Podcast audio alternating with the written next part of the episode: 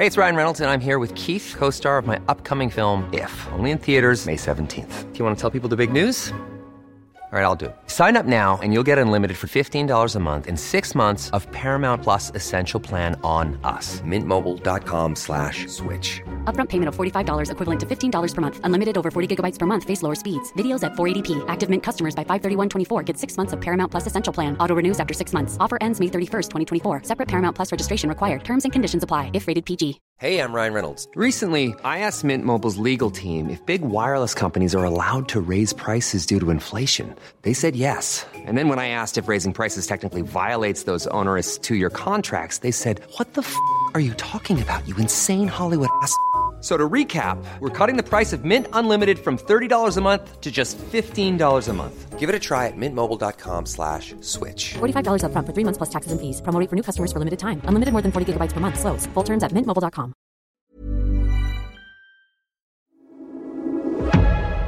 Du lyssnar på GVS ljudböcker.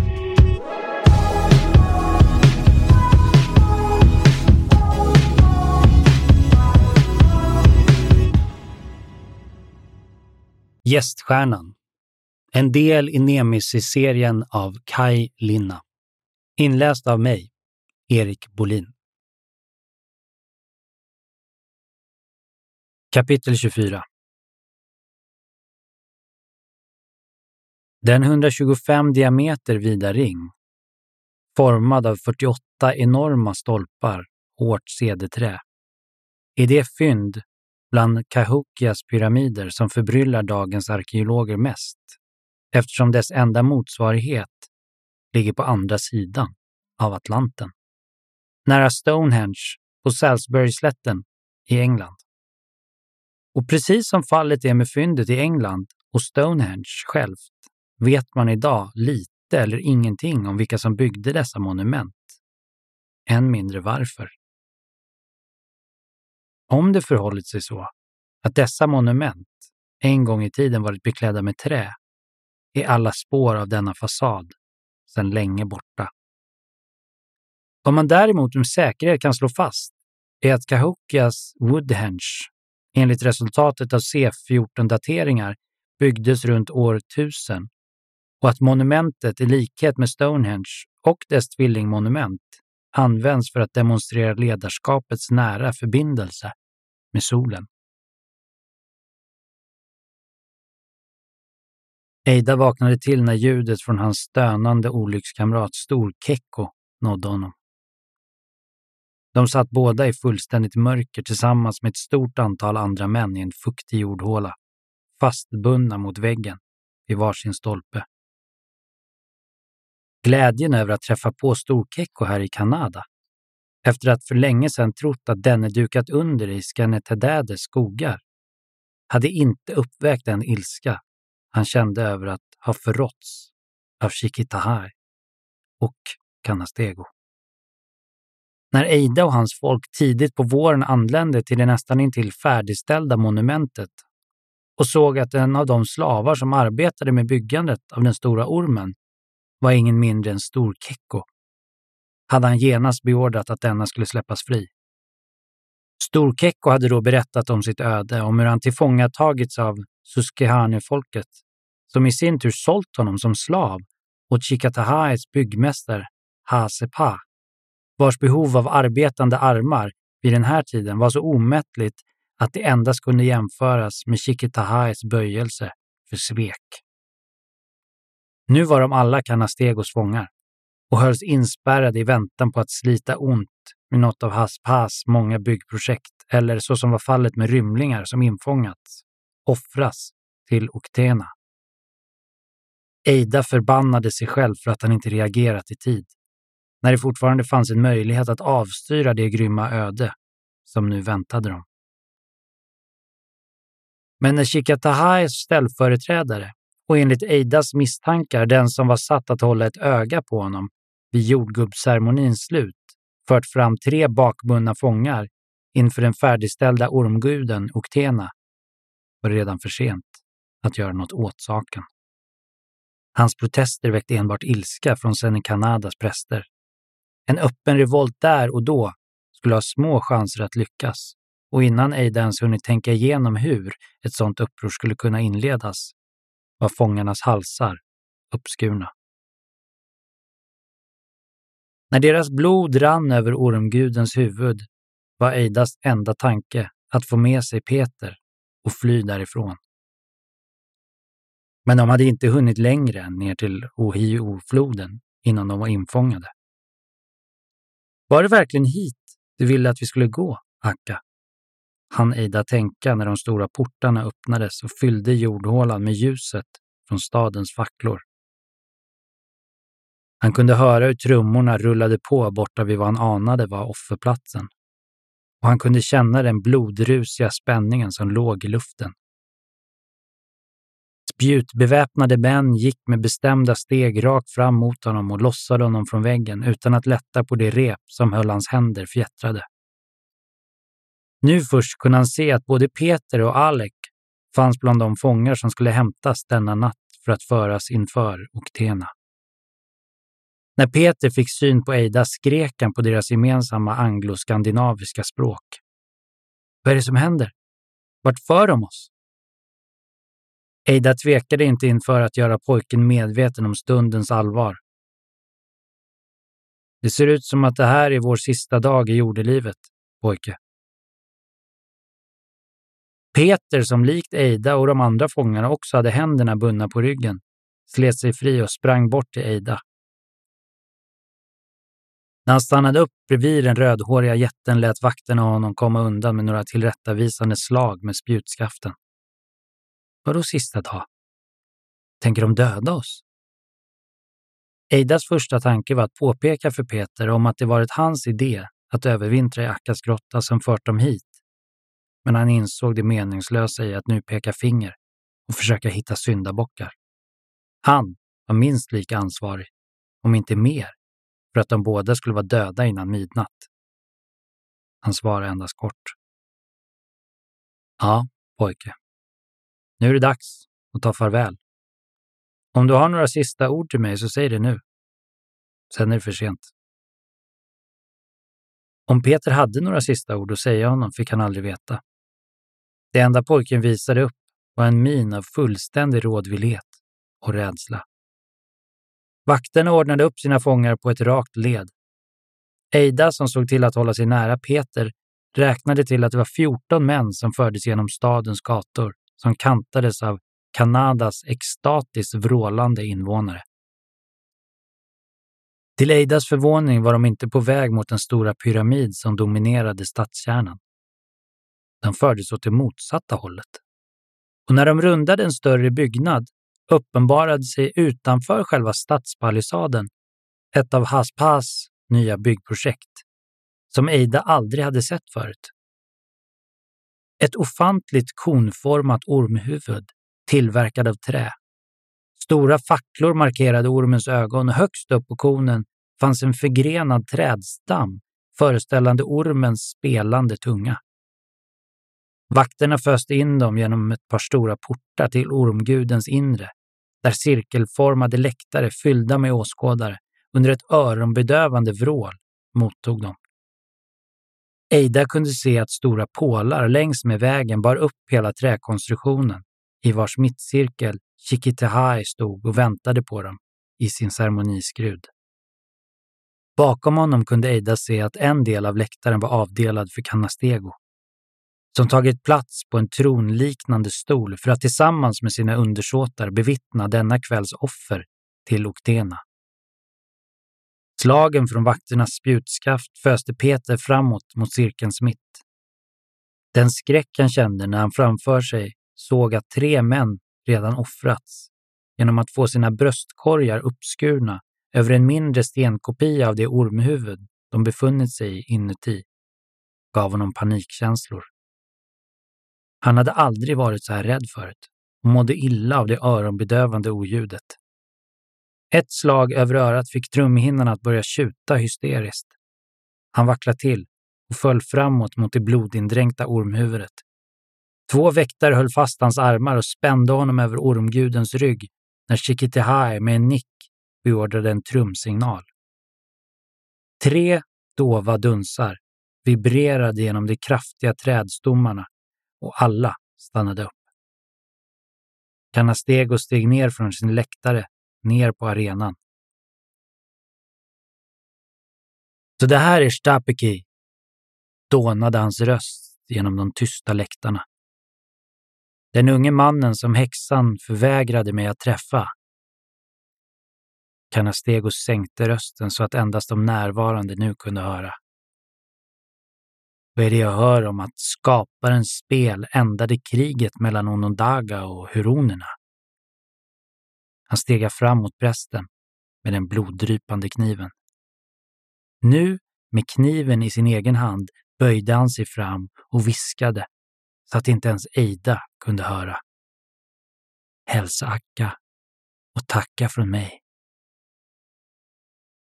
Peter kunde genom sina tår och svettindränkta ögon förblindat se Canastego med kniven höjd mot konens spetsiga innertag. Oktena! vrålade han och hela arenan fyllde i. Oktena! Med våldsam kraft kom kniven ner mot Peters bankande hjärta.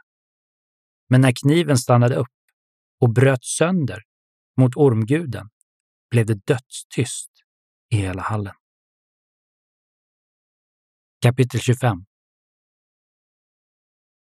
Vad som skiljer de stora religiösa böckerna Koranen och Bibeln från varandra är, förutom det uppenbara i att de beskriver två skilda trosuppfattningar av samma gud, det faktum att där det i Bibeln finns en mycket stor mängd så kallade mirakel har Koranen endast ett, vid sidan av att profeten Muhammed sägs ha erhållit sina ord direkt från Allah. I Muhammeds himlafärd Al-Isra, beskriver den store profeten hur han färdats till den mest avlägsna platsen, Al-Aqsa, och vistats där en längre tid. Men när han återvände till sin utgångspunkt var det som om ingen tid hade passerat under hans frånvaro. På tre, ett, två Ambulanspersonalen lyfte upp Peters livlösa kropp och sänkte ner den på båren för vidare transport fram till den väntande ambulansen.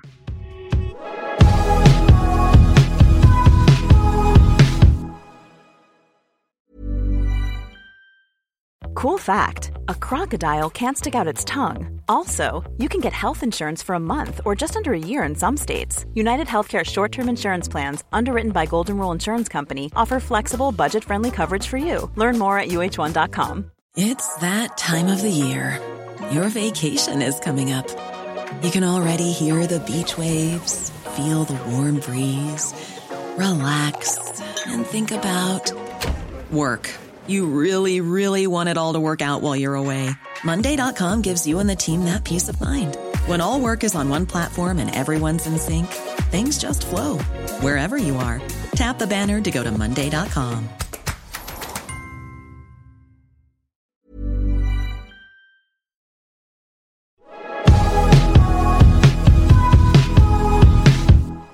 Kapitel 26 Genom åren har det tvistats om varför pyramiderna överhuvudtaget byggdes. Men i själva ordet pyramid finns dess allra mest dolda hemlighet. Pyramid betyder ordagrant eld i mitten. En teori, framlagd av framstående pyramidologer, talar för att pyramider är möjliga energiresonatorer där de frekvenser jorden utstrålar blandas med kosmisk strålning, vilket resulterar i en tredje frekvens, precis som när två gitarrsträngar anslås samtidigt. Dårar! Eidas röst hördes tydligt i den skräckfyllda tystnad Peter lämnat efter sig. Det enda synbara beviset för hans existens var det en hög med kläder som draperade offerstenen, vilken allas ögon nu tvivlande dröjde sig kvar vid. Eida fann sig snabbt i situationen. Han hade inte förberett sig inför den här stunden genom att föreställa sig hur det faktiskt skulle se ut om och när Peter lyckades med det som varit deras högsta strävan den senaste tiden. Men nu när det hade hänt, rakt framför hans ögon, var han i alla fall den som först insåg den fulla betydelsen av det. Hans blick var nu helt fokuserad på mannen med den blodiga jadekniven i cirkelns mitt. Dåre! Västans och Chikatehai som rent instinktivt, utan att medvetet ha hunnit formulera sina egna tankar, insåg att det enda ord som nu kom över Eidas läppar var den enkla sanningen. De var alla dårar. Hans stirrande ögon for klentroget mellan klädhögen och Eida. Men hur? Var? Tig, ditt ormyngel, och se till att lossa mina rep. Frånvarande höll den chockade Canastego upp den blodiga äggen mot Eidas bakbundna armar.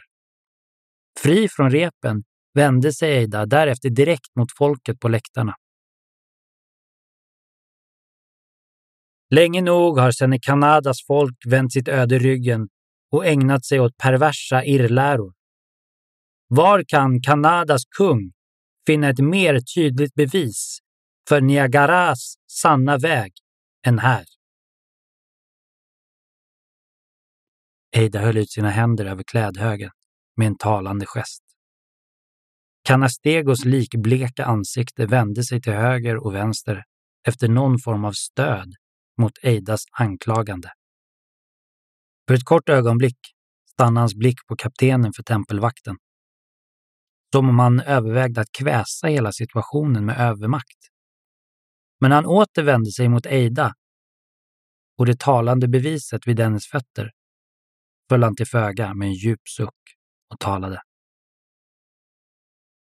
Det kan möjligen förhålla sig så att vi har eh, vilseförts av Chiquitahais kluvna tunga, tillstod han slutligen. Möjligen. Eidas kompromisslösa tordönstämma rungade mellan läktarplatserna och fick Canastego att klamra sig fast vid offeraltaret. Är ni blind? hamrade Eida obevekligt på. Pojken är inte här längre. Och Tena har förvägrats sin offergåva. Akka, vars hand når från dödens rike ända hit in i Oktenas heligaste boning, har räddat sin skyddsling ur era prästers våld. Hishta Pahe Hoki reser genom tiden likt Ramen. Han skjuter på solen med sina mäktiga raketer. Han är den som ska uppfylla Niagaras öde. Eida vände sig åter mot folkhopen med sitt torra konstaterande. Ni skulle möjligen ha lyssnat lite bättre på Akka när ni hade chansen. Canastegos axlar sjönk allt djupare av Eidas haglande ord.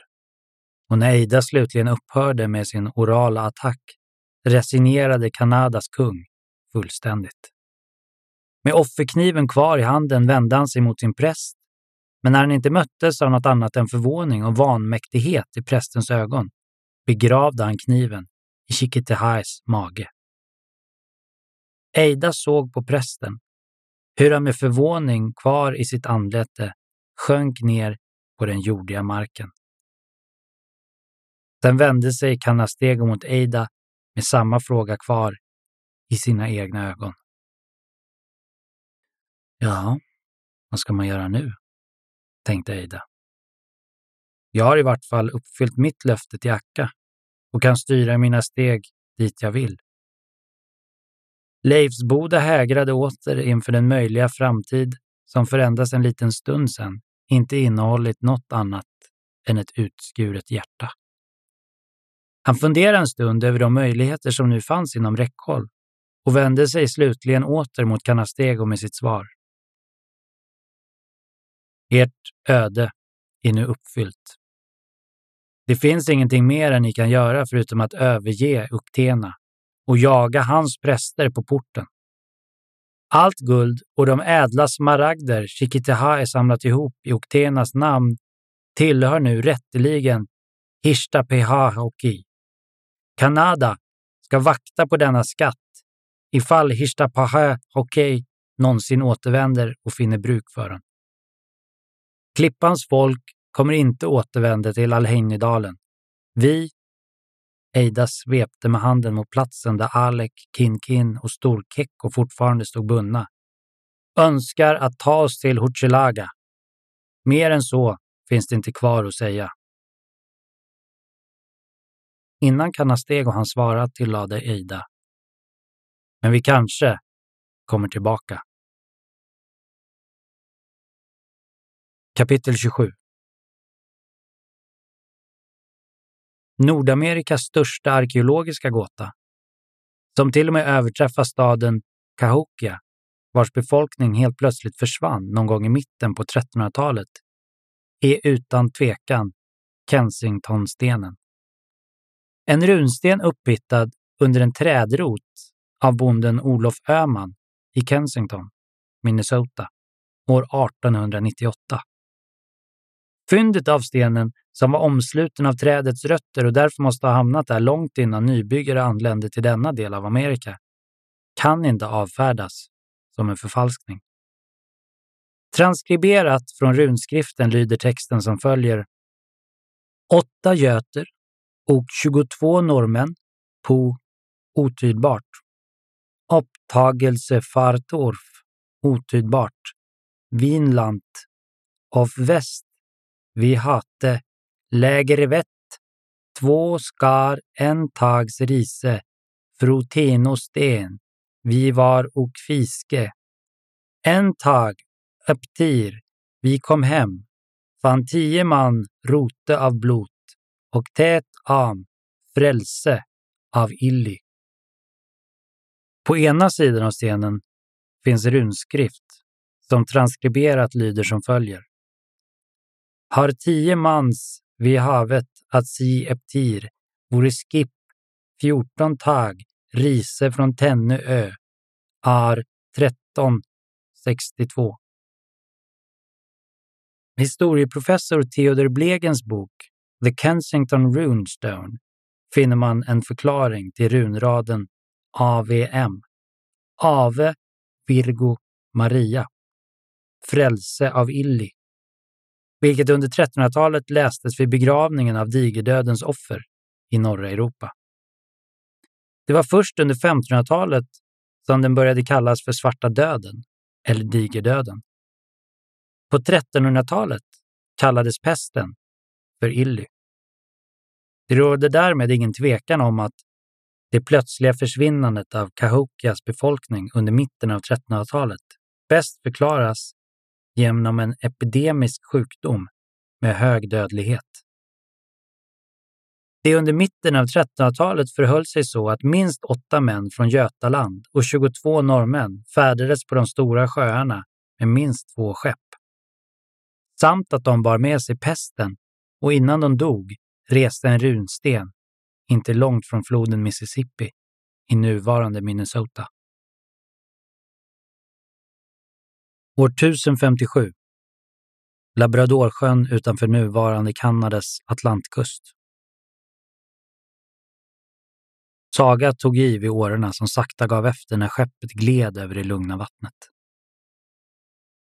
Hennes ansträngningar var inte nödvändiga för att föra skeppet framåt, men det var ett bra sätt att hålla sig sysselsatt och framförallt varm. Dessa timmar vid årorna var även de timmar hon kunde sitta och utan att någon la märke till det, tyst iaktta mannen som nyligen anslutit till deras följe. Torvald Renne. Eller Eriksson, som han numera kallades av de äldre på skeppet.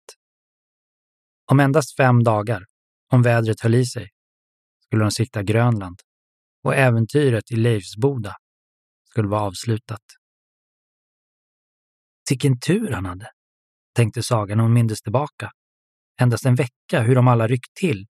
Förskräckta när han rusat ut ur skogen och gapat. Men strax lugnat ner sig när de insåg att det faktiskt var Torvald Renne. Som varit försvunnen i nästan 30 år. Som nu stod framför dem.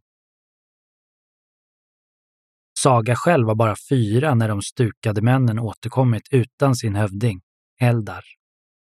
Och utan Torvald. Men hon minns det väl. Kanske för att det inte pratade så mycket annat sedan dess. Kanske för att de flesta mindes tider när Eldar varit hövding som en bättre tid. Så när skrälingarnas ständiga attacker slutligen även äventyrade deras fiske började den nu, av överfall och sjukdomar, decimerade bosättningen allt oftare undrar om det inte trots allt vore bättre att överge Leifsboda och återvända till Grönland eller Island, där deras ännu levande släktingar höll marker. När Torvald kom tillbaka återstod det endast några få dagar innan ön skulle vara lämnad. För alltid. Saga snörvlade till när hon föreställde sig Torvald stående vid stranden. Äntligen hemma. Men bara för att se skeppet försvinna vid horisonten. Tanken gjorde henne gråtfärdig. Hon sneglade mot Torvald, som inte tittade upp. Han var fullt upptagen med att prata med Ulf, Sagas far. Ikväll skulle Ulf berätta för mor och därifrån skulle Saga få höra mer om Torvalds äventyr hos grälingarna, vilka han nu kallade för Mohawk. Så här långt hade hans äventyr mest handlat om hur det var att leva hos dessa Mohawk, vilka inte verkar vara så väsensskilt från vårt. De bor i långhus, vi bor i långhus, tänkte Saga. De jagar och fiskar och odlar marken och deras kvinnor föder barnen ur samma hål som vi. Precis som det är hos oss. Men igår natt hade Ulf pratat lite tystare med mor. Om en nedgrädd skatt.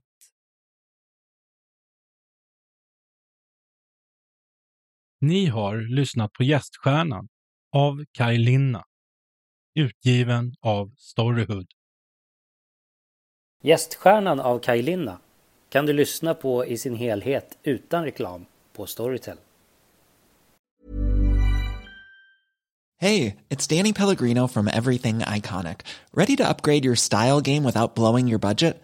Check out Quince. They've got all the good stuff, shirts and polos, activewear and fine leather goods, all at 50 to 80% less than other high-end brands. And the best part? They're all about safe, ethical and responsible manufacturing. Get that luxury vibe without the luxury price tag. Hit up quince.com slash upgrade for free shipping and 365 day returns on your next order. That's quince.com slash upgrade. Planning for your next trip?